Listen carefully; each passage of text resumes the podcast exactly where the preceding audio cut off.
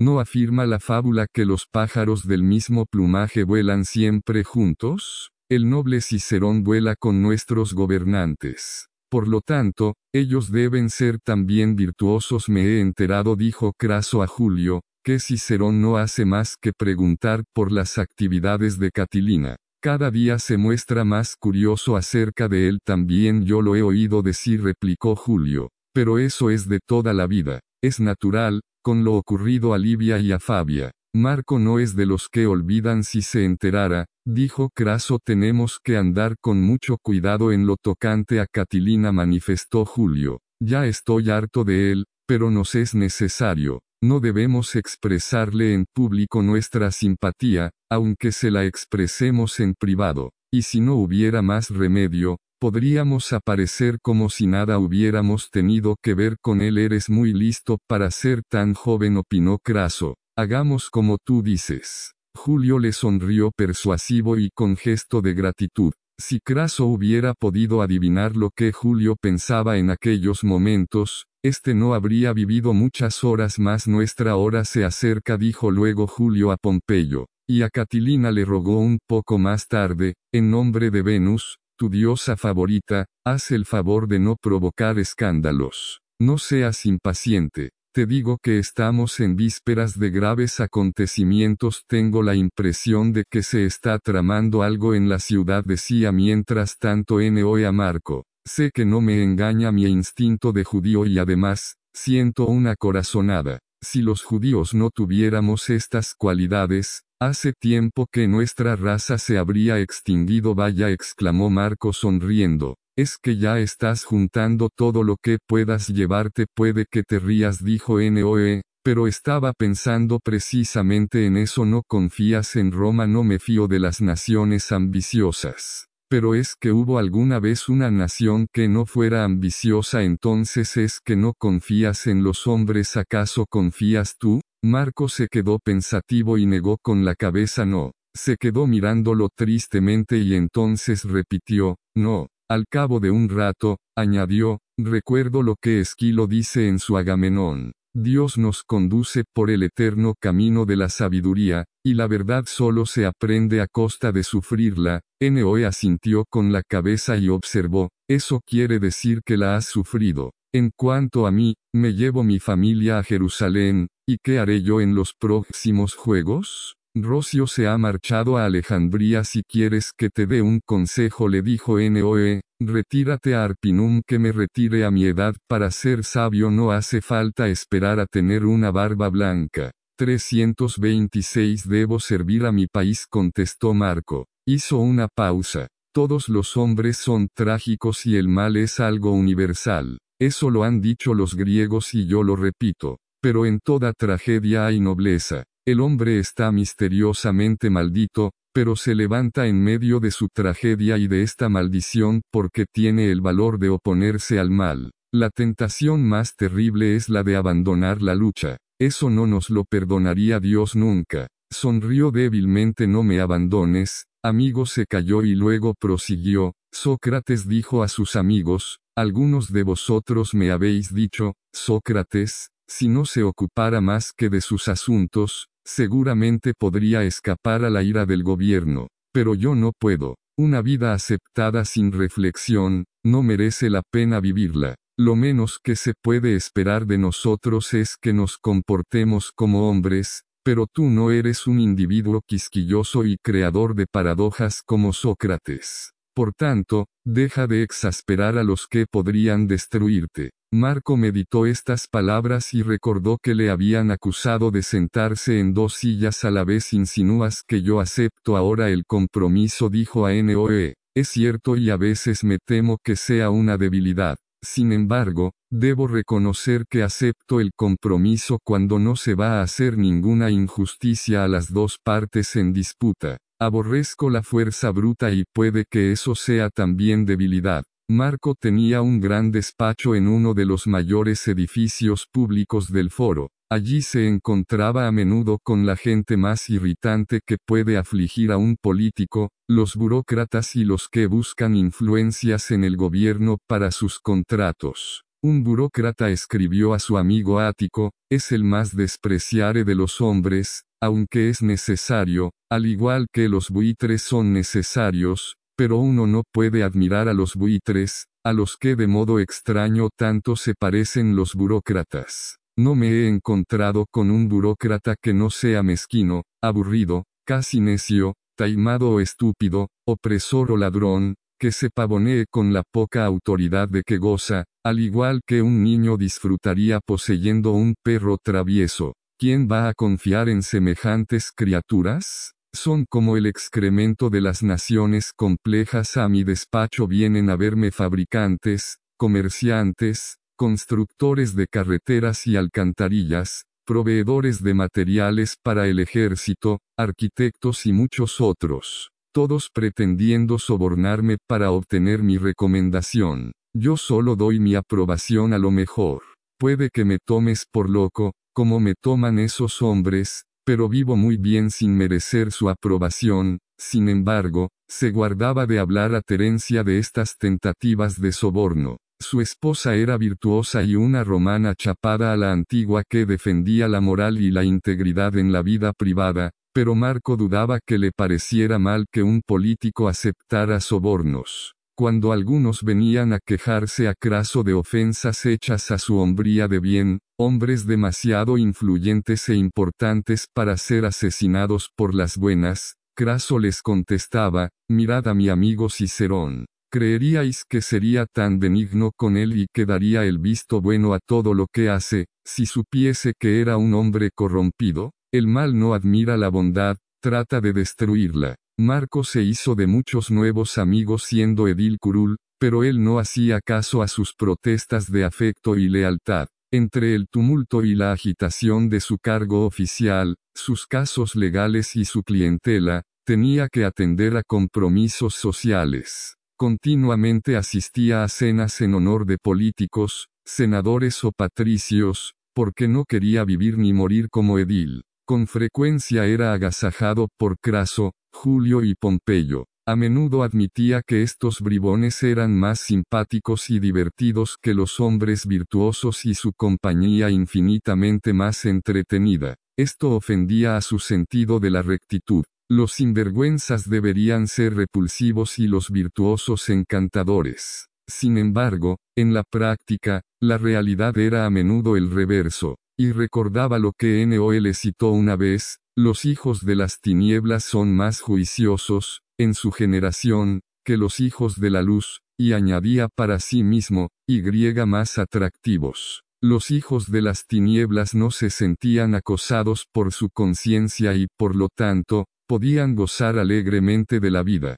Los hijos de la luz en cambio, tenían la expresión seria y vivían apenados porque en el mundo reinaba el mal. Por eso eran tan poco aptos para divertirse. 327 Esperemos que reciban un premio en la otra vida se decía, porque desde luego, en esta, no lo reciben. Muchas veces sentía una gran fatiga, y recordaba lo que dijo Aristóteles, el hombre juicioso no da su vida a la ligera, porque hay pocas cosas por las que merezca la pena morir.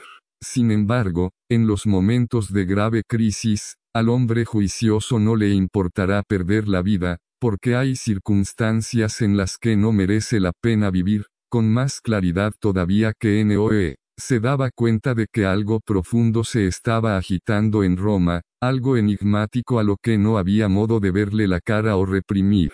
Era como una sombra vista de reojo y que cuando uno girara desapareciera de la vista para no ser vista más. En Roma había una inquietud obsesionante, a la vez inquieta y silenciosa, como los movimientos de las ratas en las bodegas. En la ciudad reinaba una atmósfera de calabozo y sin embargo, a cualquier observador superficial todo le habría parecido próspero y tranquilo. El populacho comentaba que los grandes juegos jamás habían sido mejores. Todo era complacencia, aplicación a las tareas, risas y muchas idas y venidas. Marco sabía que todo esto era engañoso, deliberadamente engañoso, aunque no sabía el por qué, Te están saliendo muchas canas de tanto trabajar, le dijo Terencia. Este año solo has pasado cuatro semanas en la isla, hijo mío, le recordó Elvia, que ahora era más rolliza que nunca y ya había encanecido totalmente.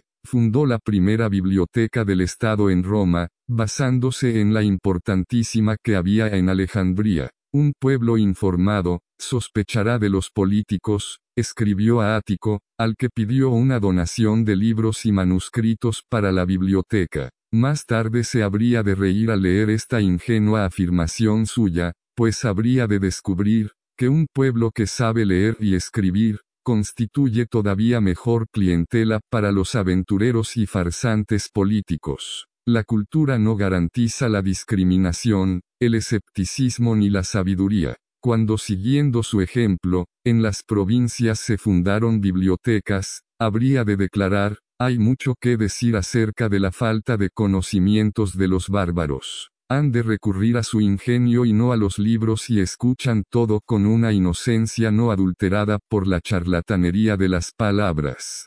328 capítulo 44 Fue un atardecer cuando Marco se sintió a la vez muy viejo y muy joven, casi un chiquillo. La limpidez de la atmósfera, la pura transparencia de la luz, purificada de calor, la suave quietud que parecía haber arrastrado hacia el interior de su boca todo el clamoreo del día, silenciándolo allí, el dorado suave que se posaba sobre ramas y hojas, el dulce murmullo de las fuentes, los diálogos murmurantes de los pájaros, el acariciante frescor de la brisa. Todo eso le parecía una profunda e íntima bendición personal que los dioses otorgan a los hombres, un paréntesis de refrigerio y reflexión, una hora santa. Podía uno olvidar la ciudad que estaba tan cerca, el calor sofocante de las colinas, el bochornoso Tíber, los fuertes muros y los numerosos caminos que llevaban a Roma, y contemplar este bendito momento,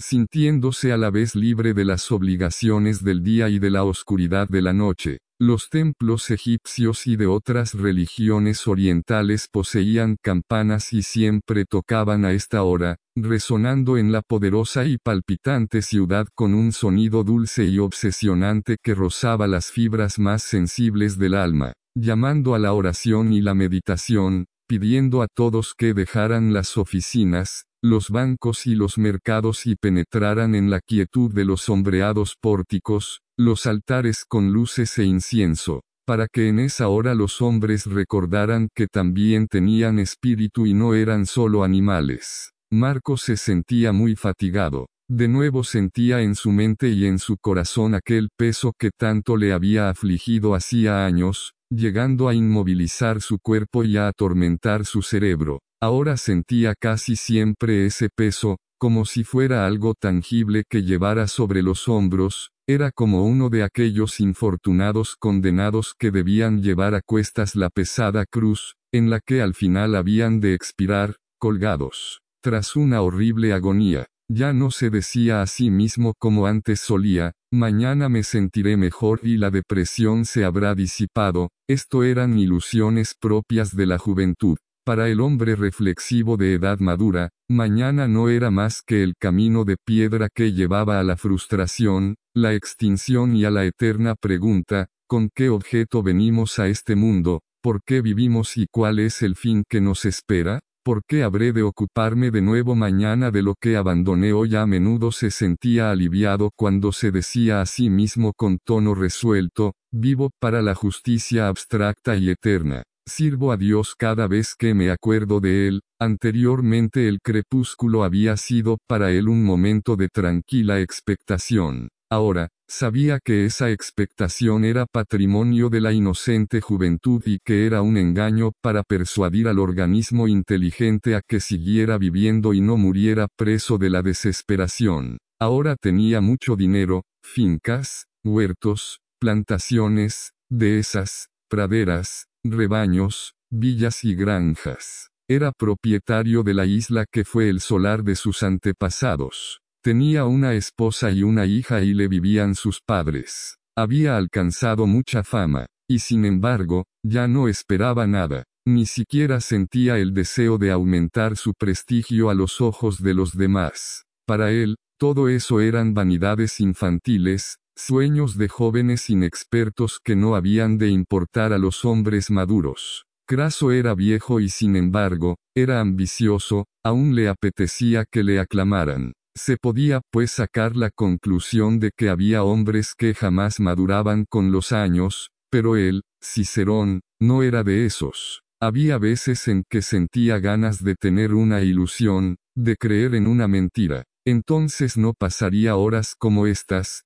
escuchando las campanas de los templos de las religiones orientales, dolorido y anhelante sin saber por qué y mirando hacia un futuro que no le ofrecía más que esto, la conformidad. Esa era la droga y el estupefaciente de las almas simples. ¿Qué hombre que pensara con la cabeza podía conformarse? La felicidad era un hechizo y significaba cosas muy diferentes para cada hombre, cosas que a menudo no eran realidad. Marco se quedó mirando al amplio y dorado cielo, a la columnata de la fachada de su casa y todo le pareció de color de mantequilla que brillara a la luz de un sol poniente. 329 sencillez, decían los estoicos, que miraban con envidia a los que no eran sencillos ni pobres. Resignación, decían los dioses orientales, pero resignación a qué, ante los designios de Dios, decían los judíos. Pero Dios era algo ignoto y lejano, si es que existía.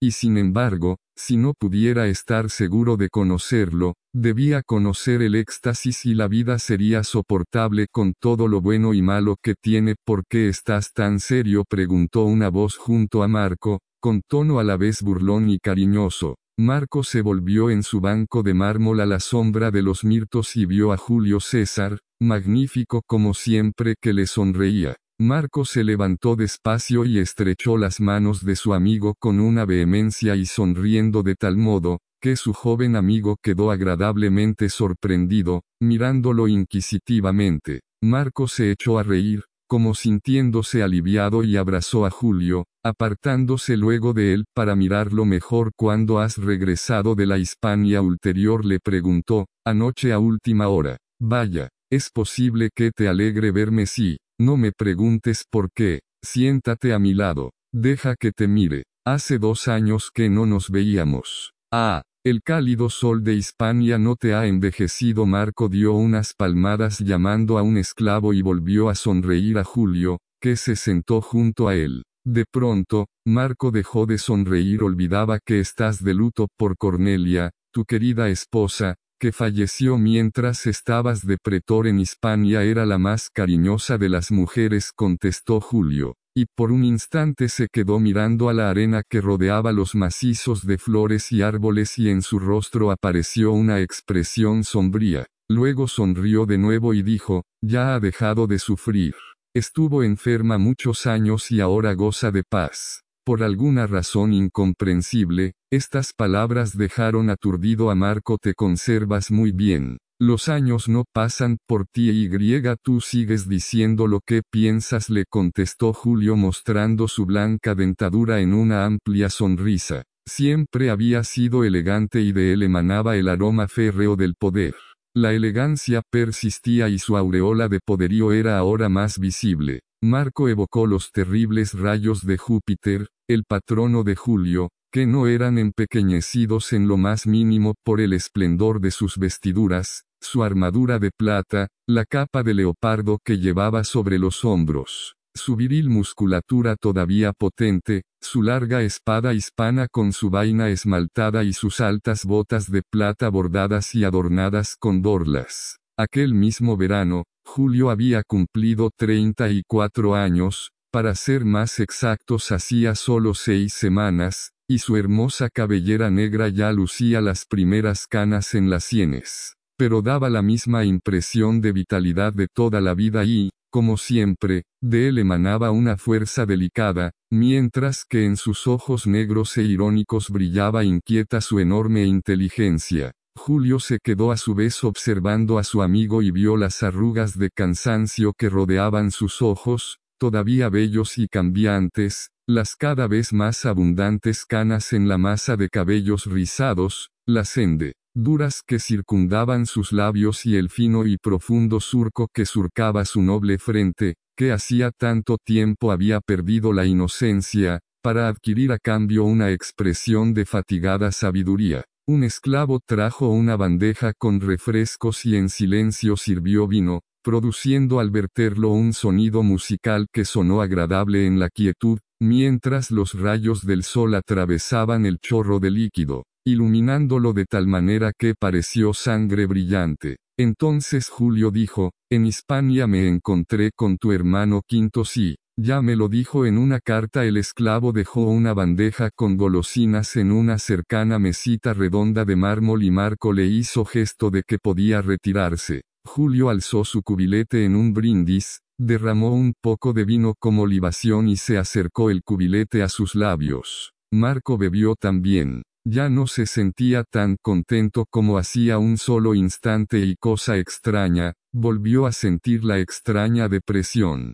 e inquirió, ¿terminó tu misión en Hispania? Terminó. Marco preguntó a Julio por su familia y por su estado de salud y especialmente por su hija Julia. He otorgado su mano a Pompeyo, le informó Julio, tan joven, 330 ya no es una niña. Ha cumplido los 14 años y debía buscarle marido. Julio hizo una pausa y luego una mueca, tampoco yo voy a guardar luto toda mi vida y pienso volver a casarme, con Pompeya. Un hombre necesita una compañera, sobre todo cuando se va haciendo viejo jamás te han faltado las compañeras, Julio. Siempre has dicho que no eras partidario del matrimonio. Sin embargo, veo que estás dispuesto a soportar otra vez esa carga. No era posible que ellos supieran que en aquellos mismos instantes, a muchísimas leguas, al otro lado del mar, en la ciudad de Alejandría, Egipto, un alocado faraón griego, al que desdeñosamente llamaban el divino flautista,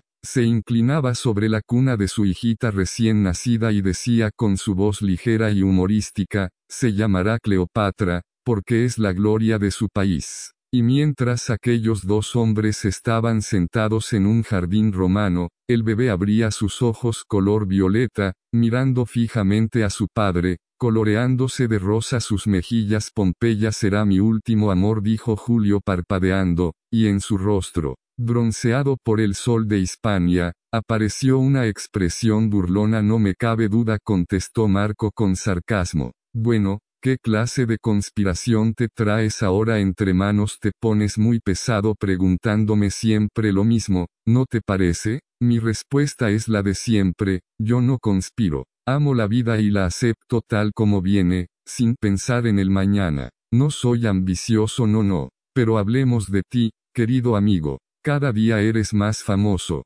Sin embargo, no pareces contento ni feliz quizás es porque no se me haya concedido el don de la felicidad. Lo cierto es que no estoy satisfecho, aunque no sé lo que quiero. Marco volvió a tener una expresión melancólica, tengo lo que la mayoría de los hombres desean y sin embargo, no conozco la paz en Hispania oí decir que en el jardín de cada hombre hay oculto un tigre que espera devorarlo. ¿Cuál es tu tigre, Marco? Marco no respondió y Julio se lo quedó mirando, disimulando una sonrisa. Finalmente, Julio dijo, se deberá tal vez a tu tendencia por el compromiso, que me han dicho que es más evidente cada día yo no transijo con mis principios, contestó Marco con cierta irritación. Si me muestro excesivo o demasiado ardoroso en algún asunto, espero que alguien me presente argumentos mejores para contrarrestar los míos y cuando no puedo alcanzar todo mi objetivo me conformo con alcanzar una parte pues ese es tu tigre, Marco. El mundo en que vivimos es eminentemente irrazonable e irracional. Un hombre que acepta compromisos es considerado alevoso y por lo tanto peligroso, un hombre en el que no se puede confiar. Todos declaramos admirar la moderación y la razón, pero ambas son las virtudes más detestadas. El hombre adorado es el que alcanza el éxito y ese hombre jamás acepta compromisos buenos ni malos, pero especialmente malos. ¿A quién erigimos estatuas? ¿A Sócrates, a Hornero y a Platón? no a los generales que fueron inexorables y no se conmovieron por nada. o a políticos asesinos que siguieron su propio camino y no escucharon a nadie. En definitiva, alcanzaron el éxito y el mundo ama el éxito, no importa cómo se logre y cuál es tu tigre, Julio preguntó Marco. Julio enarcó las cejas el mío, posiblemente el amor por las mujeres. Un tigre encantador yo diría que tu tigre tiene otro nombre. Julio negó con la cabeza no. Y eso debería ser evidente incluso para ti. No tengo poder político ni lo ambiciono, a pesar de lo que tú digas. Ya no soy joven y no he sido más que cuestor en la Hispania ulterior, cosa que me aburrió bastante. Ya solo deseo vivir tranquilamente. Marco estaba de nuevo abstraído con sus pensamientos melancólicos. 331 Y te conformas con eso, de repente se dio cuenta del profundo silencio, alzó la mirada y vio a Julio que le sonreía de modo burlón y que se limitó a contestar, Estoy satisfecho que Dios nos guarde de los hombres satisfechos. Julio no se dio por ofendido y se echó a reír. Marco le dijo, me recuerdas a Erisichton que cortó el roble sagrado como gesto de desprecio hacia Ceres, la diosa de la tierra y de la calma satisfecha. Y Ceres lo entregó a su temida hermana, el hambre, que le dio un apetito insaciable, de modo que hasta llegó a vender a su única hija para poder saciar a su voraz estómago. Finalmente, se vio obligado a comerse su propio cuerpo. Esa es una historia de ambición Marco, estás tratando de ofenderme a mí, que soy tu huésped, tu amigo al que no habías visto en dos años? ¿O es que tus propias y tristes meditaciones te inspiran tan amarga sátira? Perdóname, le gritó Marco. Julio le tocó una mano con gesto rápido, mientras sus ojos le bailaban no vendo mi hija a Pompeyo, a pesar de tu alusión. Dios sabe que es lo bastante mayor como para ser su padre, pero tales matrimonios son bastante comunes en Roma.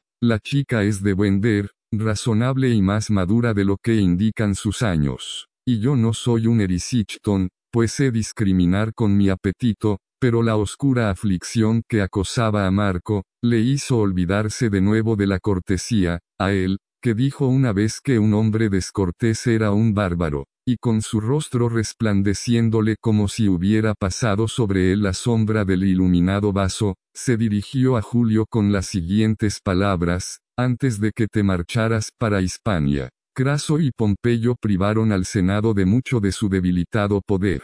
Y que tú influiste en ello, Julio, es algo más que rumores. También es verdad que insististe para que Craso devolviera su poder a la orden ecuestre, de modo que ahora ésta pueda controlar los tribunales. Y sin embargo, para seguir manteniendo la mentira de que Craso amaba al hombre de la calle, Tú llevaste en una procesión del Partido Popular el busto de tu tío Mario el viejo asesino, entre aclamaciones a Craso. ¿Acaso no te vi yo con mis propios ojos en dicha procesión, antes de que te marcharas para Hispania? ¿Cómo explicas tamaña hipocresía? Julio pareció divertido llámalo como quieras, pero se trata de tu mismo espíritu de compromiso. La orden ecuestre es no solo rica, sino intelectual y entendida en leyes. ¿Crees imposible que individuos como los ecuestres no sientan simpatías por el populacho? Al contrario, solo los ricos y poderosos se muestran solícitos con el pueblo. Los campeones que surgen de ese mismo populacho son opresores, precisamente porque conocen al populacho muy bien. Pero los ricos y poderosos se hacen ilusiones acerca de sus virtudes y a menudo creen que la voz del pueblo es la voz de Dios. Si a ti te hubieran de procesar, ¿quién preferirías que te juzgara? La orden ecuestre o la plebe comida de moscas preferiría hombres honrados no los encontrarías en las calles ni en las pestilentes callejuelas. Marco se agitó inquieto y dijo, Julio, no solo eres hipócrita, sino que eres inconsecuente. No deberías burlarte de la inconsecuencia. Vamos. ¿No perseguiste a Cayo Berres, acusado de extorsión en Sicilia y luego defendiste a Marco Fontello, que fue acusado de haber hecho lo mismo en Galia? Marco procuró controlarse antes de contestar, es que yo amo a Sicilia y no amo a la Galia. Mirándolo divertido, Julio le contestó, Querido Marco, ningún político puede mantenerse al margen de la corrupción, porque es tarea de la política el tratar con el pueblo y el pueblo inevitablemente corrompe. El hombre es bueno tan solo en el reino de lo abstracto y eso, si quiere sobrevivir yo no transijo con mis principios, repitió Marco obstinado que no, entonces, ¿cómo explicas lo de Berres y Fontello? 332 No comprenderías mi explicación. Julio se echó a reír alegremente el aforismo de los políticos. Vaya, Marco, veo que no careces de humor. Te tengo lástima. Un hombre honrado que en cierto modo se convierte en político, ¿por qué te metiste en política para poder retrasar el advenimiento del despotismo que con toda seguridad se tragará a Roma y garantizar que sobrevivirá algo de las leyes? Eres un buen hombre, Marco, y tu virtud es aclamada en Roma. Pero a pesar de eso te compadezco. Llegará un día en que no puedas llegar a un compromiso y ese día señalará tu fin. Espero no verlo, porque me daría mucha pena. Marco gritó bruscamente, contra su voluntad y sin saber lo que hacía, no sientas pena, tú morirás antes que yo. Se sintió horrorizado el rostro de Julio cambió con gesto supersticioso y se quedó mirando fijamente a Marco. Finalmente, Julio susurró, ¿por qué dices eso? Tú eres mayor que yo, perdóname, le suplicó Marco, sintiéndose muy arrepentido he estado imperdonablemente grosero. Julio, pensativo, volvió a llenar su cubilete y bebió lentamente. He tenido muchos sueños, dijo, y me he visto a mí mismo morir, rodeado de un charco de mi propia sangre. Pero, ¿quién iba a querer asesinarme a mí y por qué? Tú tienes reputación de augur, eso es superstición. Punto. Yo no soy augur y ahora veo que he sido muy estúpido y que no debía de haberte insultado. Mi única justificación es que últimamente me he sentido muy deprimido. Marco apoyó una mano en el brazo de su viejo amigo, con gesto de súplica Julio cubrió inmediatamente esa mano con la suya propia y le dio un apretón. En aquel momento apareció Terencia, que por lo visto no se había dado cuenta de que su esposo tenía visita, llevando a su lado a la pequeña Tulia, el amor de los amores de su padre. Terencia pareció encantadoramente sorprendida a la vista de Julio y bajó sus ojos modestamente, poniendo gesto decoroso, aunque no pudo disimular la dura resolución en su boca ni la dureza de su barbilla, cosas ambas que habían aumentado en los últimos años. Marco se la quedó mirando con irritación, pero Julio se levantó y le hizo una ostentosa reverencia. No sabía que había vuelto, Julio dijo Terencia con su engañosa voz suave, comportándose como una casta mujer azorada, cosa que enfurecía a Marco. De haber sabido que mi esposo tenía visita, no habría entrado. Perdóneme. Debo volver a la casa, pero no se fue y se quedó mirando a Julio, no solo con curiosidad, sino con avidez y nerviosismo no nos prive de su encantadora presencia, dijo Julio. Ya iba a marcharme. Terencia, impaciente, miró a Marco de reojo, y como éste no dijera nada, ella dijo, seguramente se quedará a cenar con, con mi esposo. Nos sentiríamos honrados. Julio puso cara seria y miró a Marco con disimulo seno esta noche con el noble Craso, Terencia. Terencia, olvidándose que era una recatada romana chapada a la antigua y despreciando a Marco por su terco silencio, dijo inmediatamente, pues entonces, mañana, ha estado ausente tanto tiempo. Marco, el que casi siempre se mostraba cortés, siguió obstinadamente callado y a Julio le costó trabajo aguantarse las ganas de reír. Julio dijo, se lo agradezco, Terencia el honrado sería yo, porque ¿quién es el que no aclama al gran Cicerón y se considera halagado al recibir una invitación de él? En aquel momento Terencia se sintió no solo impaciente, sino que odió a su esposo por su silencio y su boca cerrada. Julio era poderoso y podía hacer que progresara mucho la carrera de su marido, y sin embargo, se quedaba callado como un idiota sin decir nada. Era una afrenta que le hacía a ella. Nunca desaprovechaba la oportunidad de humillarla, pensó muy resentida y su pecho se agitó bajo la oscura túnica que ocultaba sus ahora amplios senos. 333 Marco dijo al final, mañana recibo a unos abogados y a Julio le aburren las leyes. Pero Julio exclamó con vivacidad, que va, me encantan los abogados. Siempre se aprende algo de ellos. De pronto sintió lástima de su amigo y volvió su atención hacia la pequeña Tulia. Es una niña monísima. Algún día encantará a Roma. La niña sonrió mostrando sus hoyuelos y mirando con los ojos de su padre, azules un momento, grises al siguiente, para luego pasar a ser de ámbar claro, e hizo una cortés reverencia. Solo tenía siete años de edad, pero poseía la inteligencia de su padre y su poder de captación. Su rizado cabello castaño parecía dorado bajo los rayos de sol. Como niña bien criada, no habló y se quedó pacientemente al lado de su madre. Terencia juntó sus manos y miró límpidamente a Julio, cuánto sentimos la muerte de Cornelia pronto estará consolado dijo Marco. Julio decidió que este era el momento más oportuno para despedirse. Besó de nuevo la mano de Terencia, abrazó a Marco que seguía sentado, acarició a Tulia en la cabeza y se marchó entre un remolino de capa y perfume. Bajo la luz del crepúsculo, el jardín pareció menos luminoso cuando él se hubo ido.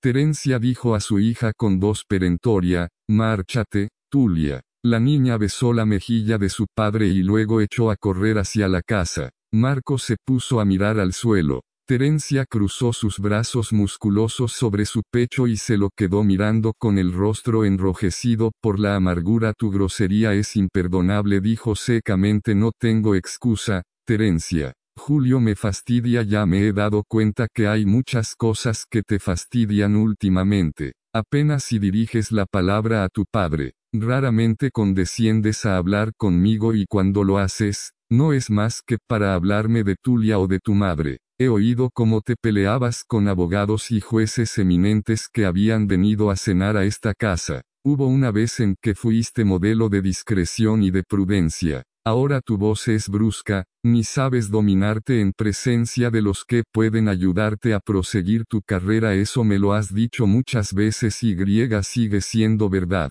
¿Crees que me conformo con lo que eres? No, esperaba más de ti. Desciendo de un importante linaje y tú te debes a tu familia. Como mínimo, deberías ser pretor de la ciudad. Craso ni siquiera te ha nombrado Magno. Ese título perdió su significado desde que se lo dieron a Pompeyo. Marco estaba avergonzado de sí mismo por su irritabilidad y la creciente aversión que sentía hacia su esposa. Aborrecía las mujeres ambiciosas, que tanto abundaban ahora en Roma, y no pudo resistir más su tristeza y su nerviosismo. Déjame en paz, exclamó, por el honor de mis antepasados, debo cuidar de que mi esposo no los menosprecie. Marco se levantó de repente al Hades con tus antepasados le gritó. Su rostro pálido había enrojecido y apretó los puños. Terencia, de repente, simbolizaba lo que más despreciaba y lo que más temía. Terencia retrocedió, verdaderamente asustada, y palidísima, sus manes te maldecirán, Marco pues déjalos. Hay seres mucho más palpables que los manes de tus antepasados que me maldicen ahora. Ya te he dicho muchas veces que no quiero pedir favores a nadie y mucho menos a César,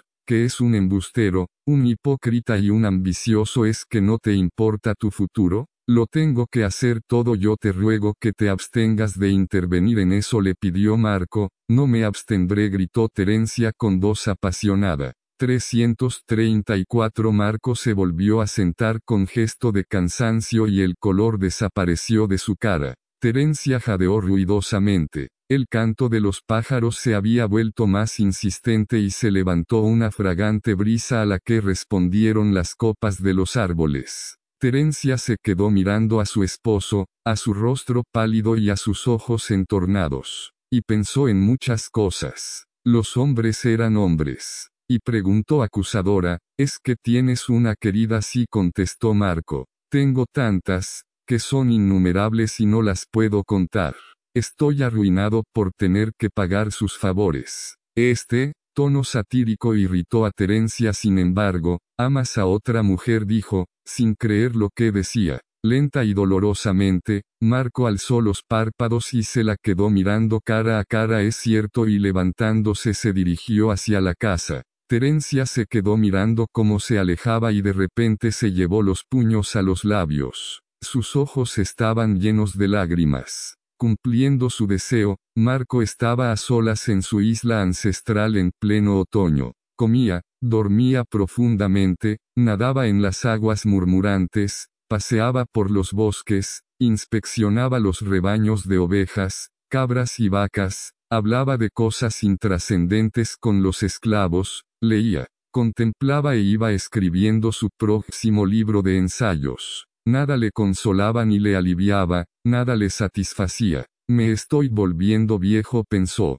En mi mente hay una oscuridad que nada disipa, ni nada borra. No deseo nada y seguramente ese debe ser el preludio de la muerte. En mi vida no puedo discernir ninguna promesa. Estoy derrotado y me siento perdido. Recibía de Roma un sinfín de cartas y no las abría, dejándolas con sus sellos intactos. Se miraba en el espejo y no veía en él a un hombre con viveza en los ojos, las mejillas bronceadas y los labios enrojecidos, como resultado de su estancia en la isla. Veía a un hombre pálido y envejecido, porque Livia rondaba por la isla, como no había rondado en muchos años. Y es que para él ella estaba viva, como ninguna otra mujer lo había estado. Oía su aterradora canción en los árboles, palpaba el revoloteo de su velo y de su manto entre los troncos oscuros del bosque, escuchaba su voz en el río, a veces no podía soportar la pena, a pesar de los años que hacía que Livia descansaba en su tumba. Perseguía su brillante sombra y a veces los esclavos le oían llamándola desesperadamente. Me estoy volviendo loco, se decía, mientras corría como un chiquillo a través de los sombríos bosques en busca de Livia. A veces, al igual que Apolo, se abrazaba a un arbolito, apretando su rostro contra la viviente corteza, echándose a llorar. Le parecía que estaba abrazando a Livia, la cual, a ejemplo de una ninfa, había huido de él para convertirse en un arbolillo. Sufría una misteriosa agonía, como si acabara de perderla. Estoy de duelo por mí mismo pensó una vez con repentina claridad. Lloro mi perdida juventud, mis esperanzas y mis sueños, el espectro de una promesa muerta, los años enguirnaldados en los que yo creí que la vida tenía algún significado. ¿Cómo pueden soportar los otros hombres esta carga? ¿Cómo la pudo soportar mi abuelo Iscaebola, y Arquías y todos los otros seres queridos cuyas sombras rondan por los aposentos de mi pasado? ¿Cómo pudieron vivir los años de su vida? ¿Qué les sostuvo? En mi mesa no hay más que copas vacías y mi jarro de vino no contiene más que heces secas. ¿Por qué no dijeron nunca, estás ávido y sediento, serás privado de todo y no querrás volver a beber? Livia gritó a los bosques.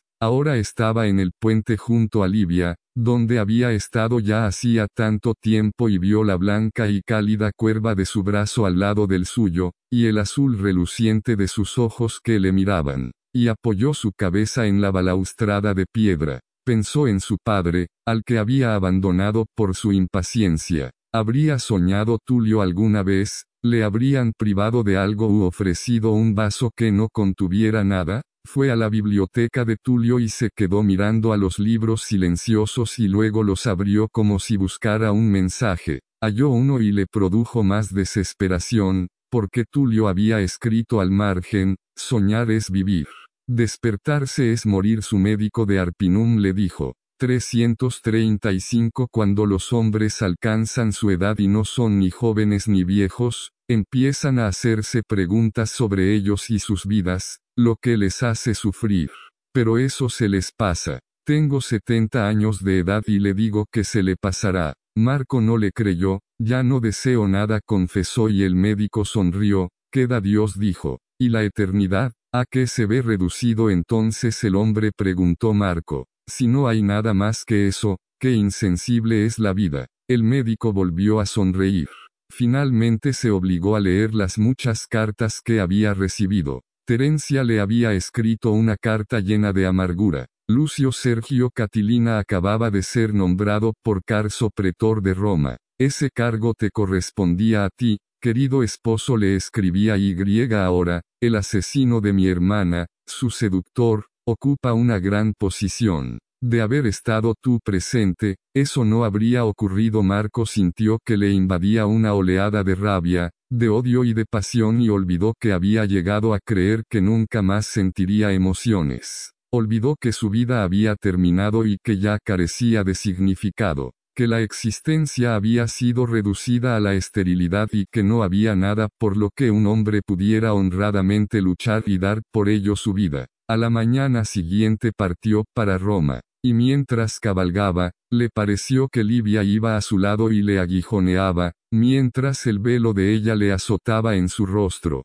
336 Capítulo 45 Craso, el hombre del enorme cuerpo obeso y la cabeza pequeña con cara estrecha, se quedó mirando fríamente a Marco. Julio sonrió para sí mismo y Pompeyo miró a sus manos enjolladas. Confieso, dijo Craso, que no comprendo su vehemencia, Cicerón. Dice usted cosas incoherentes y eso no es propio de un abogado. ¿Qué le importa que Catilina haya sido nombrado pretor? Marco contestó con el rostro enrojecido por la emoción, es como si nombraran a un leopardo guardián de unos corderos. Ese hombre, por naturaleza, es un desastre, no debería tener que decirle quién es. Es amigo y protector de los elementos más despreciables de Roma, incluyendo a notorios criminales. Su ambiente natural es el mal. No hay nada en su persona o en su carácter que lo haga digno de una posición tan alta y poderosa. No es abogado ni jamás fue magistrado. Es licencioso y corrompido, vicioso y holgazán. ¿Es que eso lo califica para ser pretor? Si se me contesta que sí, es que Roma está muy degradada. Había implorado y obtenido una audiencia de Craso en la magnífica casa de este. Había rechazado los refrescos y el vino, y ahora estaba en pie ante la mesa de ébano y marfil tallado de Craso, a veces aporreándola con su puño, mientras que los otros seguían imperturbablemente cenando y bebiendo. Lo escuchaban cortésmente, aunque Craso, que siempre lo había temido y odiado y sospechado de él, no pudo ocultar el brillo maligno de sus ojos al mirar a su oponente, y contestó, Catilina es muy querido, ¿ha satisfecho a mucha gente que lo nombren pretor a quien ha satisfecho? Julio dijo poniendo cara seria, la democracia, mi querido Marco, concede a todos los hombres libres las mismas oportunidades. ¿No es esto por lo que tú habías abogado siempre? ¿O es que has cambiado de opinión y ahora afirmas que la competencia de un hombre para un cargo ha de ser juzgada tan solo por sus excentricidades personales y sus adhesiones políticas? La conducta privada de un hombre no puede ser separada de su conducta pública, son las dos caras de una misma moneda. Cálmate le dijo Pompeyo. ¿De qué delitos fue encontrado culpable Catilina? De ninguno. ¿En qué consiste su mala fama? Por adúltero, si a todos los acusados de adulterio se les negaran los cargos públicos, entonces no se encontraría a nadie para ocuparlos y reinaría el caos. Un hombre puede engañar a su esposa, pero ser fiel a su país. Un hombre puede ser un degenerado y muy depravado en su vida privada, y no estamos todos dominados por nuestros vicios secretos, y sin embargo, ser íntegro en un cargo público. En la casa de un hombre puede reinar la extravagancia y no obstante, muchos de esos hombres son frugales en el gobierno. También el reverso puede ser verdad, un hombre muy puritano puede ser un desconsiderado con la libertad del pueblo y aquel ahorrativo y poco gastador de su dinero, puede tirar por la ventana el tesoro público con tal de comprar votos. Esto era un discurso demasiado largo, para un hombre de ordinario tan taciturno como Pompeyo. Marco se quedó mirando a sus tranquilos ojos claros y no vio en ellos más que tolerancia y deseo de agradar, y se preguntó a qué se debería esta amistad que Pompeyo le manifestaba, cuando él nunca había mostrado desear correspondería. Marco, declaró, es verdad que Catilina jamás ha sido declarado convicto y confeso de un delito. Sin embargo, todos sabemos que es un criminal. 337 Usted no tiene pruebas de lo que está diciendo, replicó Craso. ¿Acaso piensa que la inmensa mayoría de sus seguidores, si no todos, son criminales?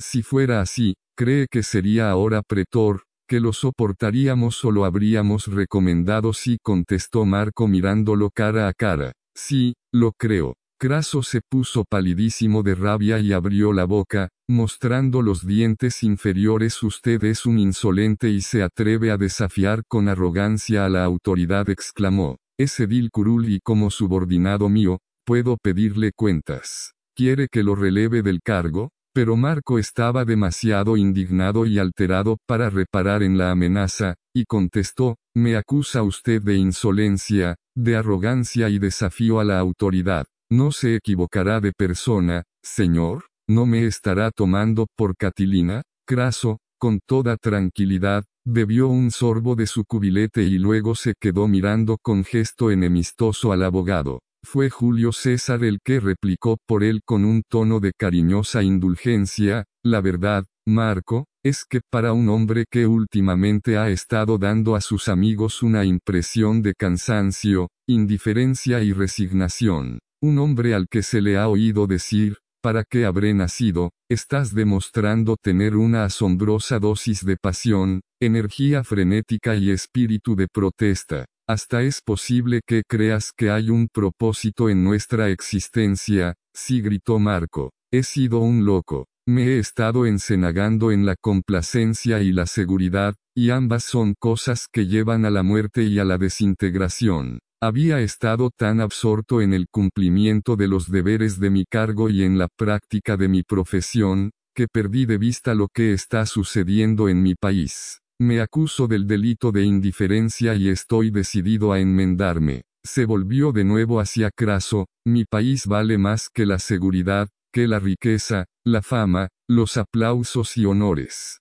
Por lo tanto protesto del nombramiento de Catilina. Se da cuenta de que me lo encontraré en los tribunales y porque me odia, él se mostrará parcial, aunque se cometa una injusticia, a cada instante estará oponiéndose a lo que sea justo, a la reparación de los agravios, solo porque yo esté mezclado en esos casos lo dudo, dijo Julio. Al fin y al cabo se ha tener en cuenta la opinión del pueblo, y el pueblo te ama. Catilina no se atreverá a desafiar las leyes establecidas y a aprovecharse de su cargo con mala fe, para obstaculizar tu labor hizo una reverencia ante Craso. ¿Puedo confiar un secreto a nuestro combativo Marco, señor? Sí sonrió a Marco. Ya hemos advertido a Catilina que en el caso de que tenga que encontrarse contigo en los tribunales, deberá abstenerse de dictar una sentencia que viole la ley, la dignidad y la razón. Craso y Julio parecían haberse puesto de repente misteriosamente de acuerdo, porque el tono de la voz del primer era muy suave cuando dijo, Catilina ocupará ese cargo tan solo dos años. ¿Quién sabe si no será usted, Cicerón, el que le suceda? Quieren silenciarme, pensó Marco, pero no me harán callar. Y contestó, durante el breve tiempo en que Catilina ha sido pretor ya ha violado la constitución tres veces. Dos traidores condenados fueron libertados por orden de él, basándose en argucias, a pesar de que su culpabilidad quedó bien establecida. Un célebre ladrón y asesino, que tenía a sueldo numerosos rufianes, fue también libertado por orden de Catilina, basándose en que las autoridades que lo detuvieron, lo tuvieron encarcelado cinco horas más del tiempo permitido por la ley para ser interrogado. Jurídicamente esto es cierto, pero es que necesitaron esas cinco horas para arrancar a uno la confesión que les permitiría llevarlo ante los tribunales. Y eso no son cosas triviales. Es una violación de la justicia eterna. Julio se inclinó sobre ciertos papeles querido Marco, aquí tengo extractos de casos defendidos por ti, y en los que empleaste la misma argucia. ¿Es que hay una ley para ti y otra para Catilina? Marco enrojeció, pero aquellos hombres eran inocentes y los criminales de Catilina no. 338 No se puede decir que un hombre es culpable o inocente, querido amigo, hasta que lo haya declarado un tribunal. Tú sabes que esas argucias han sido empleadas casi siempre en favor de personas injustamente detenidas y acusadas. Como ya se viene observando desde hace siglos y en otras naciones, la ley es un instrumento muy torpe. Sin embargo, protege a los inocentes pues no ocurrirá así con Catilina. Julio soltó una risita. Catilina es demasiado indolente para intervenir demasiado en los tribunales o en ningún caso. Para abreviar, ha sido honrado públicamente y recibe un salario público, aunque raramente aparecerá en ningún tribunal ni estudiará algún caso entonces, ¿por qué lo han nombrado pretor? ¿Es que nuestro tesoro no está lo bastante agotado como para mantener bribones con el dinero que se obtiene de los impuestos? Ninguno le contestó, todos se limitaron a sonreír débilmente. Marco se los quedó mirando uno a uno y en su mente se atropellaron los pensamientos. Luego dijo con amargura, entonces es cierto que ustedes le deben algo y todo aquel que le da algo a Catilina es culpable de un delito contra el país. Craso dejó de sonreír basta gritó. ¿Cómo se atreve usted, un simple abogado, mero edil curul, a lanzar insultos y acusaciones en mi cara, a mí, que soy triunviro de Roma? Tenga cuidado, Cicerón. Lo he soportado mucho tiempo, a causa del aprecio que le tiene César, pero le sugiero que no atraiga más mi atención, la cara se le había congestionado de odio y de rabia y alzó sus apretados puños sobre la mesa. Marco se apartó de la mesa. Por un instante tembló aterrorizado ante su propia audacia. Pensó en sus padres, su esposa, su querida hija. Luego sintió rabia contra sí mismo, por poner su vida y la vida de sus familiares por encima del honor, la justicia y su propio país. Entonces, Señor preguntó, ¿admite que usted es el responsable del nombramiento de Catilina? Craso medio se incorporó en su enjollada silla y alzó un puño como para pegar a Marco. Pero Julio, ahora terriblemente alarmado, le agarró por el brazo y casi lo empujó hacia atrás, obligándole a sentarse de nuevo. Pompeyo se irguió y se quedó mirando a Craso consternado loco temerario gritó Julio a Marco. Nunca creí que te ibas a rebajar tanto con tus propias palabras. Nadie puede acusar de esa manera al más alto funcionario del país, ¿por qué no? Si es verdad dioses exclamó César. ¿Es que eres idiota? ¿No es este un país libre? preguntó Marco y no han de responder los más altos funcionarios de su actuación ante el pueblo que puso en ellos su confianza? Julio se quedó mirando a Craso, que parecía un poco más calmado y luego dijo con voz tranquila, ya no, Marco, tu amada democracia ha alterado las antiguas costumbres de Roma. No estaba hablando de democracia, César. Hablo de la República Romana. Hay un abismo entre la democracia y el republicanismo, que jamás podrá ser salvado, como no sea a costa de la ruina de las repúblicas. ¿Quién ha derribado la república y proclamado su desaparición? Nadie ha declarado públicamente tal cosa. Por lo tanto, la república sigue existiendo y bajo la libertad republicana tengo derecho a exigir cuentas a los funcionarios públicos que hayan traicionado la confianza del pueblo y alterado la constitución. Todos se lo quedaron mirando atónitos con rostros pálidos, excepto uno, que tenía expresión maligna y griega no ordenéis mi asesinato, aunque el crimen sea una de las armas de las democracias dijo Marco con una amarga sonrisa. Tengo demasiada influencia en Roma y muchos amigos poderosos, soy de la familia de los Elvie y mi esposa desciende también de una gran familia. Tal vez hayan creído que los romanos ya no se preocupan de quién los gobierna y no se inmutan por los asesinatos, por odiosos que sean. No necesitan más que una voz. Yo seré esa voz y si me asesinan, habrá otras voces olvidas le dijo Pompeyo con su tono de voz peculiar, que todo gobierno poderoso o todo hombre influyente, puede hacer que la ira del pueblo se vuelva contra quien quieran, si desean proteger a 339 Los culpables. Si fueras asesinado, sería muy fácil para, hombres poderosos, declarar que eras un traidor, y el pueblo, que no quiere más que vivir tranquilamente sin tener que encararse con la verdad, porque es indolente por naturaleza. Aceptará gustoso la explicación con tal de que no le molesten o le obliguen a pensar acusas al pueblo romano de locura no respondió Pompeyo, de nuevo con aquel tono peculiar, solo de pusilanimidad. Marco sintió de nuevo despertar su ira, se quedó mirando a Pompeyo fijamente y pensó, nunca te conocí bien, y se fijó en que Julio y Craso tenían los ojos fijos en Pompeyo con expresión de disgusto. Luego los dos hombres se miraron entre sí y mutuamente se hicieron y se contestaron una pregunta. Julio sonrió a Marco de modo encantador y le dijo con el tono de voz de uno que hiciera confidencias a otro queremos decirte la verdad, Marco, la creas o no la creas, seguirá siendo la verdad y cuando has dicho tú la verdad, Julio sin embargo terció craso, con un tono de voz tan firme y perentorio que Marco se volvió hacia él y comprendió que por fin iban a hablarle con franqueza será nada más que la verdad y no podrás ignorarla, en bien de Roma. Habla, César. Julio se agarró con sus finas y oscuras manos a la mesa y miró fijamente a Marco. Puede que conozcas el poder que tiene Catilina, al que todos despreciamos, pero al que no podemos ignorar.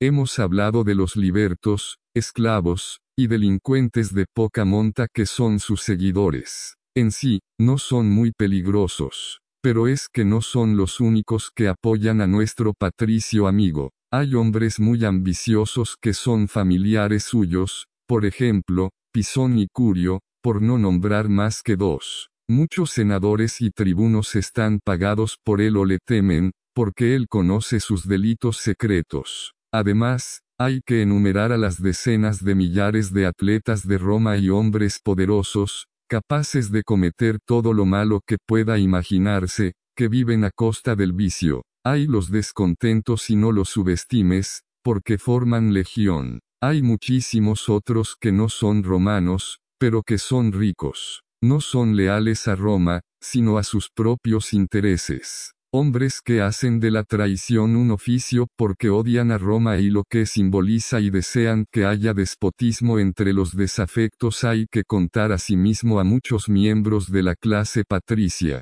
que desprecian a la república y desean gobernar una nación esclavizada. Estos a su vez tienen una multitud de seguidores, que obedecerían a sus amos, los cuales siguen como un solo hombre a Catilina, que es uno de ellos está la gentuza del arroyo, siempre obsesionada con la posibilidad de botín y la satisfacción de las necesidades de sus vientres y de sus apetitos de lujuria. ¿Qué les importa a ellos Roma o su prestigio? La traicionarían por un plato de judías o por dos entradas para el circo. Están las abigarradas criaturas de apetitos odiosos y depravados, los actores, cantantes y bailarines, que prefieren desgañitarse ante los patricios y la autoridad real, esperando alcanzar así más notoriedad y fama. Están los homosexuales y otros pervertidos que se retuercen de gozo solo con pensar en explotación y látigos y la promesa de la protección legal. Esos son los seguidores de Catilina, Marco. Esos son los que a una palabra suya podrían destruir nuestra nación. 9 Es cierto, dijo Pompeyo.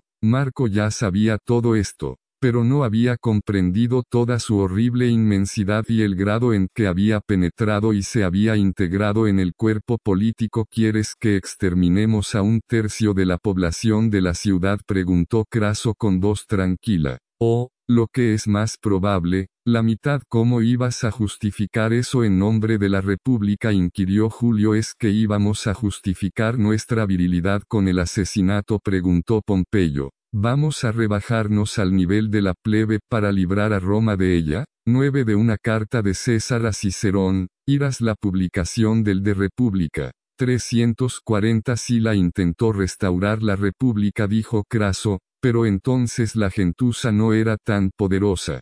Como no pudo lograr sus propósitos, tuvo que abandonar el campo. Marco se sentó en una silla y dejó caer la barbilla sobre su pecho. Hubo un largo silencio, que fue finalmente interrumpido por Julio para decir, tuvimos que nombrar pretora Catilina para aplacarle, ya que controla lo que más tememos. Hay que pagar ese pequeño precio por Roma, eso es chantaje, dijo Marco con voz sombría. Ciertamente reconoció César.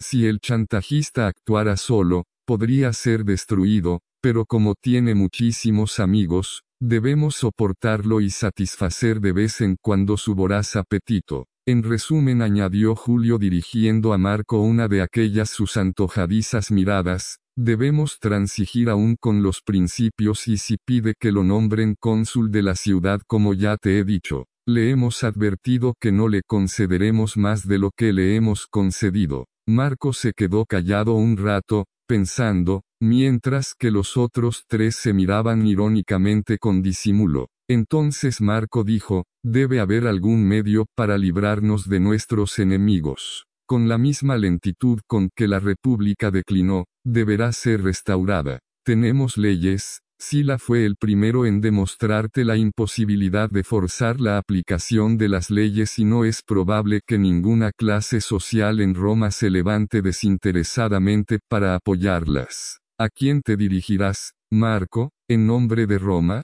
Marco alzó la mirada lentamente para encararse con Julio Atino, desde luego, César le contestó. Pompeyo dijo con su tono de voz pausado y calmoso, debemos enfrentarnos con la realidad y no con vagas esperanzas. Nuestros abuelos se dieron cuenta ya en su juventud que la república declinaba. ¿Pudieron impedirlo entonces? Es posible, pero no lo hicieron. Nosotros hemos heredado el fruto de su indiferencia, de su egoísmo, de su falta de orgullo, de virtud y patriotismo. Lo mismo ha sucedido en todas las naciones, declaró Julio, alzando una mano y dejándola caer sobre la mesa. Y la causa principal es la índole del hombre. Si yo tuviera que fundar una nueva nación, la establecería sobre la base de un despotismo benévolo y no sobre una república, que inevitablemente decaería y se volvería depravada. Ya tenemos al hombre montado a caballo, dijo Marco cierto. Es el único que ha podido sobrevivir más tiempo que ninguna república, y su nación con él. Las repúblicas se fundan en la fantasía de que los hombres son capaces de gobernarse por sí mismos y aceptarán vivir bajo una disciplina y un marco de heroica virtud. Eso es un sueño y ha demostrado ser falso, muriendo cuando amanece la realidad, la realidad de lo que los hombres son y no de lo que deberían ser.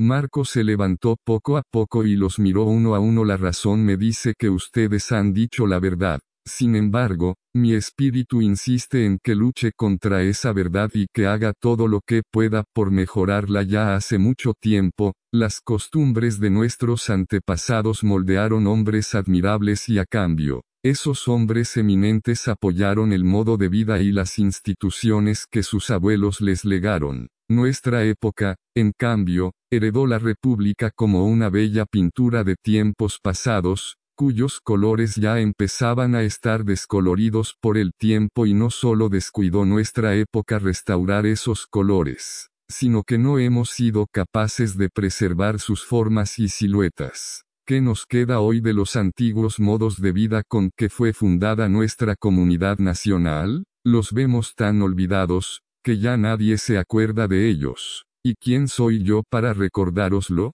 Nuestras costumbres se han perdido por falta de hombres que las defendieran y si hubiera alguien que nos pidiera cuentas, muy bien podría. 341 acusarnos del peor de los delitos y nos costaría mucho trabajo defendernos de esa acusación. Por rutina más que nada seguimos diciendo república, aunque ésta ha perdido sustancia y realidad, Diez abrió los brazos en gesto mudo y luego añadió, yo también soy culpable. Está ante ustedes, hombres culpables, un hombre culpable. Solo puedo decir en mi defensa que he hecho lo posible por evitarlo, aunque no consiguiera nada. Se volvió para irse y entonces, dirigiéndose a los tres hombres que lo observaban en silencio y con extrañas expresiones, les dijo, no permitan que Catilina se cruce en mi camino. Tengo una venganza pendiente con él. Algún día nos encontraremos, pero ese día lo elegiré yo, no él. Su rostro pálido había perdido toda su antigua amabilidad y buen humor. Salió de la habitación y sus pasos resonaron en el suelo de mármol. Luego oyeron cómo se cerraba una distante puerta de bronce. Entonces Julio tomó una pera de una bandeja de plata, la pulió con su manga y la mordió con una expresión de placer. Craso dijo, nuestra noble fachada de mármol se ha cuarteado, ya no lo necesitamos más. Dejemos que caiga asesinato, preguntó Julio limpiándose los labios con una servilleta de lino. No lo necesitamos más que nunca. Ya he oído rumores sobre Catilina, que pueden llegar a formar un estruendo. Si Cicerón muere, ese estruendo caerá sobre nosotros. Yo les he dicho a muchos, ¿creéis que Catilina sería pretor si Cicerón se hubiera opuesto enérgicamente? Opino que Cicerón se callará. Le hemos convencido de que la oratoria no servirá de nada si hay que planear algún asesinato, dijo Pompeyo, recomiendo a Catilina como víctima. Julio se echó a reír y sacudió la cabeza. ¿Crees que no se habrá preparado ya para tal contingencia? Si hacemos el menor movimiento contra él, por disimulado que sea, hará caer el tejado sobre todos nosotros, aunque él muera también. Subestimas el poder de sus partidarios. Muchos hombres morirían gustosos por un Catilina. Craso dijo sin poder dominar la rabia, estamos entre un hombre virtuoso y otro perverso, y por los dioses, no sabría decir cuál es más peligroso. Cuando Marco regresó a su casa aquella noche, triste y apesadumbrado, se vio desagradablemente sorprendido al ver a Terencia que le estaba esperando en el vestíbulo. Él le dijo enseguida, estoy cansado y es muy tarde. No estoy de humor para discusiones, he estado esperando horas tu regreso, contestó Terencia con terquedad. Debo saber qué has hecho contra el seductor y asesino de mi hermana. Marco pasó por su lado bruscamente y se dirigió a su dormitorio, pero ella le siguió, muy decidida. Marco se volvió hacia ella y le dijo con voz ahogada, no he podido hacer nada, es demasiado tarde, es demasiado tarde para Roma. Terencia parpadeó. Y a Marco se le ocurrió pensar, se le ocurría eso muy a menudo en los últimos tiempos, que era una estúpida, porque no podía comprender nunca una afirmación más que por partes. Y ella le preguntó, ¿qué tiene que ver Roma con que a Catilina lo destituyan? Pues todo contestó él. Es pretor a causa de lo que sucede en Roma. Eso quiere decir que has fracasado. Marco en sus ojos brillaban los dicterios y el desprecio. Fracasé al nacer. Fracasó mi padre y mi abuelo antes que él. El padre de mi abuelo tiene la culpa de que haya un Catilina siempre oses juegos de palabras. Si Catilina continúa ocupando ese cargo es porque tú eres impotente y no puedes obligar a que lo destituyan. No tengo poder para eso. Se quitó la toga y la echó sobre una silla. La luz de la lámpara mostró su rostro macilento. 10 de su libro de República. 342 Creí que eras el abogado y el orador más grande de Roma. Un edil curul. Parece que me equivoqué, cuando Craso te niega una cosa tan pequeña. Le dieron ganas de pegarle, tan furioso estaba. Apretó los dientes, se sentó en la cama y se quitó los zapatos. Pero ella no quería dejarlo en paz, vivía engañada. El objeto de mi orgullo no existe en realidad. He sido defraudada y mi hermana sigue sin ser vengada. Pero Marco no estaba pensando en Fabia sino en Livia y se quedó mirando a la daga que había puesto sobre la mesa. Finalmente dijo, como hablando consigo mismo, no, eso sería demasiado fácil, poco satisfactorio. Los dioses no me lo negarán, ya te lo han negado esta noche, dijo Terencia, suspirando ruidosamente como sintiendo compasión de sí misma. Había soñado demasiado y esperado mucho. Estoy casada con un hombre sin importancia, tienes razón, le dijo Marco, apagando la lámpara y dejando que humeara en la oscuridad. Pero Marco no pudo dormir. Quedó acostado en su lecho, con los músculos tensos y los pensamientos alborotando en su mente, para volver a alborotar en una enorme confusión, como si buscaran palabras que resolvieran mágicamente el caos convirtiéndolo en orden y permitiendo que el mundo fuera habitable de nuevo, y recordó las palabras de cierto profeta, cuyo nombre no recordaba y del cual le había hablado N.O. Benhol, no pueden dormir más que cuando han causado algún mal, y pierden el sueño si no hacen a alguien pecar. Porque comen el pan de la iniquidad y beben la sangre de la violencia, pero se dijo, soy yo el que no puedo dormir, mientras que aquellos que comen el pan de la iniquidad y beben la sangre de la violencia, duermen tranquilamente y tan profundamente como bebés. Le pareció que su mente palpaba la oscuridad, buscando hombres como él a los que les fuera imposible conciliar el sueño, acosados por los mismos pensamientos. Seguro que estaban allí, aunque él no pudiera tocarlos con los impalpables dedos de su espíritu. Se volvió de costado y vio el amanecer azul gris enmarcado por su ventana. Lo veían también otros hombres con los mismos párpados enrojecidos y se desesperaban por la suerte de su país como se desesperaba él, cómo iba a seguir viviendo, había muchos que sabían que una tormenta se estaba fraguando sobre la ciudad, pero le volvían decididamente la espalda,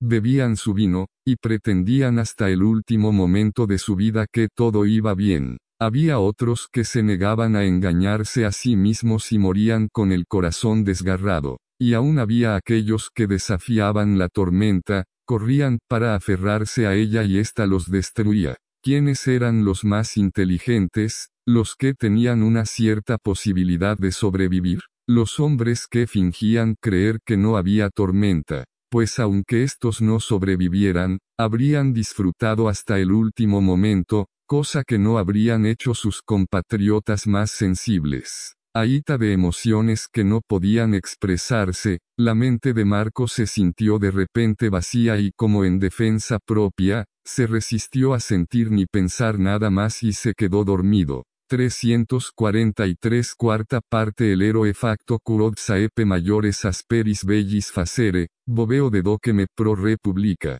Quam deinde cui mandetis circumspicite, name talem monorem bonus nemo volet cum fortunae et maris et belli avalieis acti ratio redunda aut turpiter moriundum sit. Tantum modo in animis abetote non me obispos celus aut avaritiam caesum, sed volentem pro maxumis beneficieis animam dono de dice, per vos, Quirites, et gloriam majorum, tolerate ad borsa et consulite rei publicae, multa cura summo imperio inest, multi ingentes labores, curos nequiquam abnuitis et pacis opulentiam quaeritis, cum omnes provinciae, regna, Maria, Terrae que aspera aut fesa belli sint.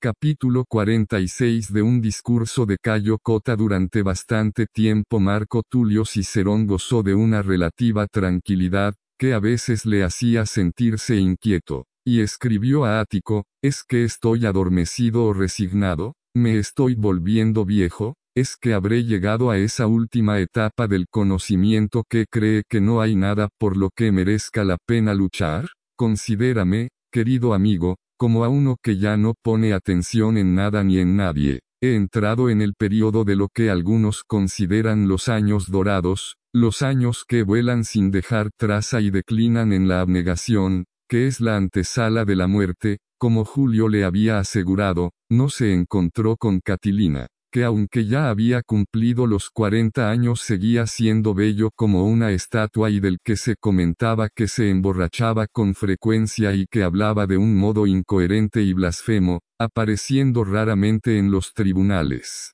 Tenía delegados que actuaban en su nombre y representación y que pretendían que Catilina les ponía al corriente de los casos durante la noche, pero esto no era cierto, ya que las noches se las pasaba en continuas juergas. A sus amigos les echaba en cara imaginarios desaires y hacía todo lo posible por ignorarlos. Había veces en que hablaba de modo misterioso y se ensoberbecía. A menudo era visto al amanecer, tambaleándose por las calles en compañía de amigos escandalosos que jamás eran vistos en compañía de otros patricios, ni nunca hubieran podido esperar entrar en otra casa que no fuera la de Catilina. Es un loco y un cerdo, pensaba Marco cuando le contaban estas cosas. Marco comenzó a creer que Craso, Julio César y Pompeyo se habían librado de un hombre peligroso dándole un poder del que era incapaz de hacer un buen uso, y en su interior los felicitaba por su astucia. Como siempre, los dioses destruían a los locos. En otros tiempos Marco habría sospechado de esta placidez que le rodeaba, porque, 344 sabía que los maliciosos dioses, a menudo adormecían a un hombre para que no se diera cuenta, hasta que fuera demasiado tarde, de que había sido herido mortalmente, y yo que había esperado ser un héroe de mi país, se decía a sí mismo, pero la edad de los héroes parecía haber pasado. A veces a Marco se le ocurría el insidioso pensamiento de que en la República no volvería a ocurrir nada interesante, nada bueno ni malo que resultara atrayente para la imaginación. Parecía como si todo conspirara para ofuscar la percepción y adormecer el espíritu, para obligar a todo hombre a decir, todo está en paz, todo es próspero, todo está en orden, donde habría ahora un hombre como Escipión el africano, un hombre con fuego y personalidad, los modernos romanos lo mirarían con desconfianza, pues solo querían ocuparse de sus cuentas bancarias, de sus placeres, sus familias, sus excursiones y sus pequeñas satisfacciones cotidianas. Ya no se preocupaban del destino, no querían arcos iris en sus cielos, ni tormentas ni alteraciones del statu quo. Industriosos y materialistas, preferían los teatros y los circos, los espectáculos deportivos, sus camas y sus gordas familias. Marco, insensiblemente, se dejó arrastrar por esta ola de complacencia. Empezó a creer que era ridículo que ningún hombre tratara de despertar el alma de Roma y se preguntó si eso en el fondo estaría bien y qué clase de hombres deberían ser despertados. Craso había tomado un camino intermedio, no atraía abiertamente la atención, cosa que tampoco hacían el Senado ni los tribunos. Cualquier actor era más celebrado que Craso. El sol brillaba pacíficamente sobre Roma, las calles estaban muy animadas, se especulaba mucho y todos los días había noticias que hablaban de prosperidad. El mundo daba la impresión de haber alcanzado un lugar fijo de calma y ya estaban olvidadas las luchas anteriores. El mal no se notaba mucho, ni había nada que inspirara indignación ni resistencia. Vivimos buenos tiempos, decían los veteranos de tantas catástrofes, hablando con un tono de voz que indicaba agradecimiento. Por fin hay estabilidad. Sigamos disfrutando de la vida en esta atmósfera de calma. Me marcharé pronto para Jerusalén, dijo Noe Benjol a su amigo. Noe ya se había quedado calvo y era muy rico, porque sus comedias se habían hecho muy populares. No me gusta lo que presiento y Roma ya no es buen lugar para un hombre de edad mediana que sufre pesadillas, y yo la sufro no seas absurdo le contestó Marco, inquieto me marcho a Jerusalén insistió Noe, mirando a su amigo de un modo extraño. Los judíos sabemos cuando los cuchillos están a punto de salir de sus vainas y olfatear la tormenta antes de que aparezca la primera nube. Te ruego que te retires a Arpinum, eso me lo aconsejaste ya hace años. Y sin embargo, observa que vivo en paz. Ah, la obstinación, pensó Noe. En Marco se había producido un cambio, como si algo en él se hubiera agotado o bien estuviera a la expectativa, o algo peor, quizás había abandonado la lucha, porque no veía los relámpagos por el este, se había vuelto más rollizo, sus largas mejillas estaban más rellenas, sus ojos habían perdido sus cambiantes colores y ahora tenían una expresión de quietud de oído que hablan mucho de ti últimamente. Con referencia a ese inteligente político joven, Publio Clodio, de sobrenombre, Pulcher le dijo Noe, apartando la mirada discretamente. Ah, y también te relacionan con su hermana Clodia, aunque eso probablemente sean chismes. ¿Cómo se va la gente de la lengua? Cuando alzó la mirada, vio que Marco se había ruborizado a, Publio contestó con aire descuidado. Es uno de estos jóvenes inquietos de ahora con ambiciones políticas, que espumean como el vino echado a perder y resuenan como un tambor batido, solo ruido y aire. Deploro su celo. Habla de tiempos diferentes, leyes diferentes,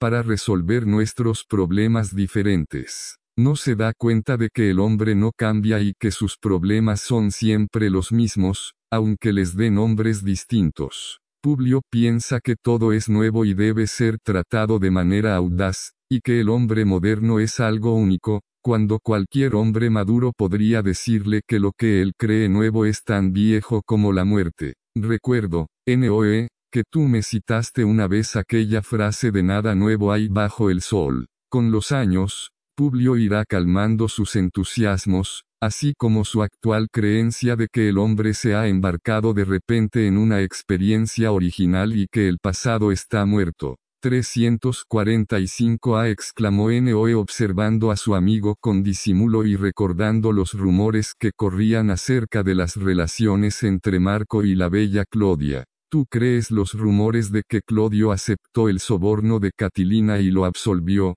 cuando éste fue procesado por extorsión al final de su mandato? Marco apartó la mirada y pareció de pronto sufrir un dolor. No creo que Claudio aceptara el soborno, a pesar de todo lo que se diga. Puede que se convenciera de que Catilina era inocente. Catilina no hace más que declarar que es amigo de las gentes sencillas y Claudio, como muchos otros jóvenes novatos, está convencido de que la gente sencilla, el hombre de la calle, posee una misteriosa santidad aunque no puedo comprender cómo han llegado a tal conclusión. Así que es muy posible que las muchas relaciones que Catilina ha tenido con gentes de la más humilde condición, haya producido cierto sentimiento de simpatía en Clodio, perdonándole así no solo su delito de extorsión, sino negando que hubiera existido. Sin embargo, ese joven me es simpático, me divierte y me entristece a la vez por su juventud y su creencia de que lo sabe todo, una falsa creencia muy típica de su edad.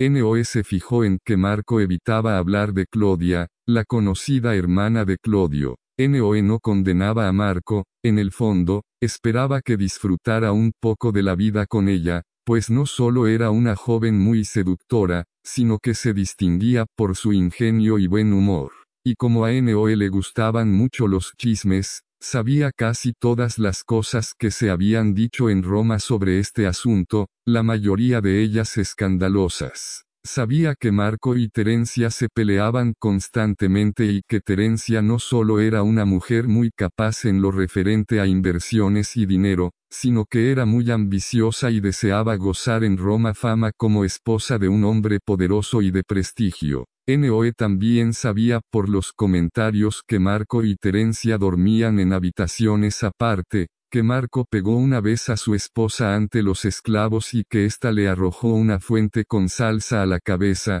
con resultados desastrosos, ya que Marco tuvo algunos días un ojo amoratado, la nariz hinchada y un corte en la cara. Marco había solicitado un divorcio que Terencia se negaba a conceder y ahora vivían juntos como extraños, no dirigiéndose la palabra más que cuando Terencia le hacía reproches acerca de sus relaciones con Claudia. Noe pensó con satisfacción que él era un esposo fiel y eso que había tenido muchas ocasiones para dejar de serlo, pero la verdad era que las artistas no siempre se bañaban y eran descuidadas con sus cosméticos. Además salían caras y era su querida esposa la que llevaba todos los libros de contabilidad. Marco le preguntó, ¿regresarás de Jerusalén esta vez no? Te escribiré todos los días y quizá tú puedas venir a verme. Ahora que mis hijos están en edad de casarse, creo que deben conocer las tradiciones de sus antepasados. Aquí en Roma han adquirido costumbres cosmopolitas y deben ser contrabalanceadas por conocimientos más profundos. NOS echó a reír, aún me cuesta trabajo creer que nuestro codicioso y presumido Rocio se haya convertido en un esenio de las cuevas de Judea. Cuando Dios toca a un hombre en el alma, por inverosímil que nos parezca su elección, es como si encendiera un fuego en él. Así que Rocio, para escapar a la identificación y a la notoriedad, ha adoptado el nombre de Simeón y dice muy serio, que no morirá hasta que haya visto el rostro del Mesías con sus propios ojos. Por eso sale a menudo de las cuevas, donde estudia y reza con los otros esenios, y visita con frecuencia el templo de la ciudad santa, mirando fijamente al rostro de todos los niños que son llevados para su presentación ante el altar.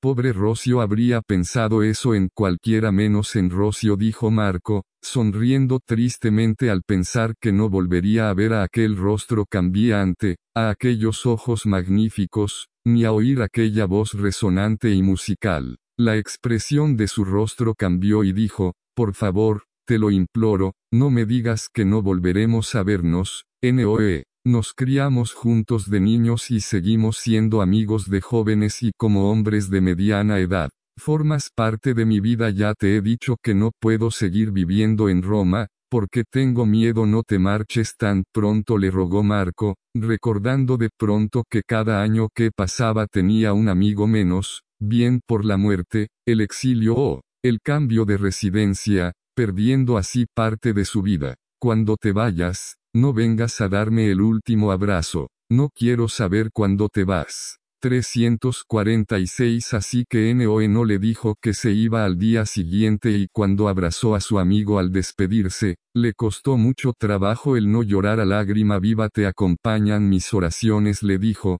casi sin poder articular el habla, y de nuevo cambió la expresión de su rostro, mientras musitaba, como hablando consigo mismo, se dice que cuando un hombre envejece, empieza a pensar cada vez más en Dios. Pero eso no es cierto. De niño y de joven, yo ya lo amaba ardientemente. En cambio, ahora, apenas si pienso en él, y cada año que pasa pienso menos y menos es que el mundo se interfiere. Estamos agotados con los esfuerzos que hacemos solo para vivir, replicó Noe, pero Marco no le oí o. De jóvenes prosiguió Noe, tenemos energías para todo. A los hombres les debería ser posible retirarse del torbellino al cumplir los 35 años, de modo que pudiera consagrarse a Dios antes de olvidarlo, pero eso es imposible para la mayoría. Marco se lo quedó mirando frunciendo el ceño ligeramente, como si hubiera oído una frase muy importante para él,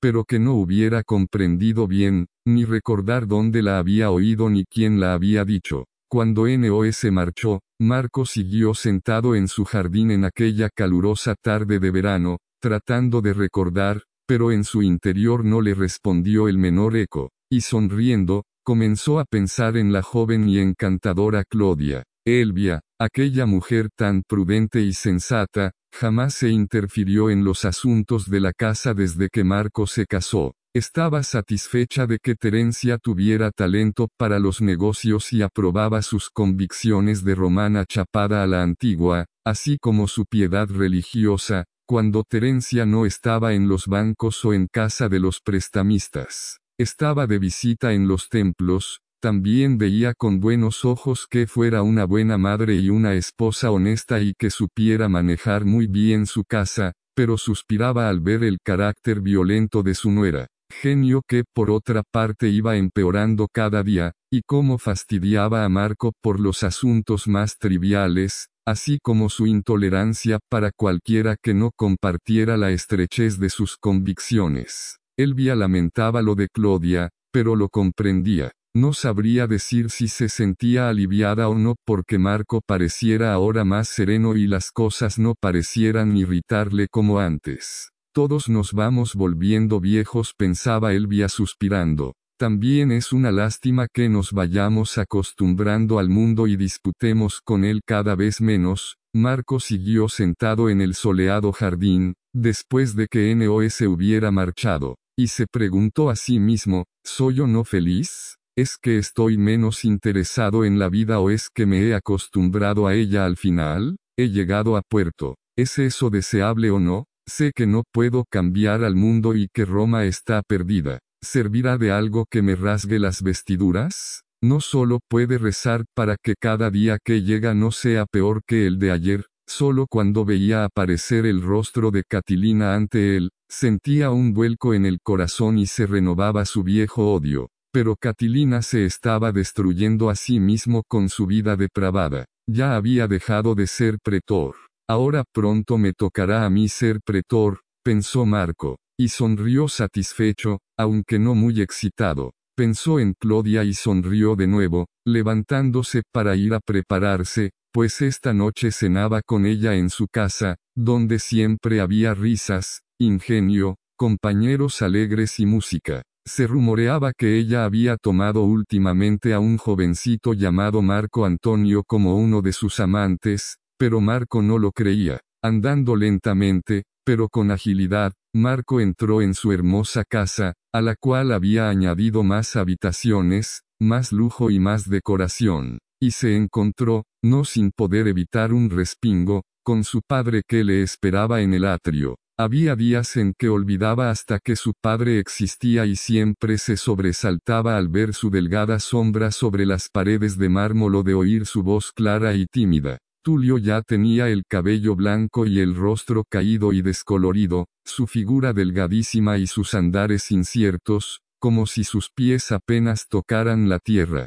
Solo quedaba viveza en sus grandes ojos oscuros, que en este momento eran muy elocuentes. Empezó hablando rápidamente y como a trompicones, como si le pareciera que si no atraía inmediatamente la atención de Marco, éste no le oiría ni le vería, y le dijo, Querido hijo, debo hablar contigo, es muy importante. 347 Marco frunció ligeramente el ceño, sin poder dominar su impaciencia ni disimular las pocas ganas que tenía de ver a su padre o de hablar con él, y contestó, es muy tarde, tengo que ir a cenar, ya lo sé, siempre es tarde para ti o has de cenar con alguien, Marco, todos los días tienes citas, en el rostro del anciano había una profunda expresión de tristeza, ocurre algo, Marco y debo hablar contigo antes de que sea demasiado tarde y bien preguntó Marco resignado. Las blancas paredes y suelos del vestíbulo centelleaban bajo los últimos rayos del sol, la fuente del centro relució y susurró de un modo musical, mientras los pájaros enjaulados cantaban dulcemente en los rincones todos te hemos perdido.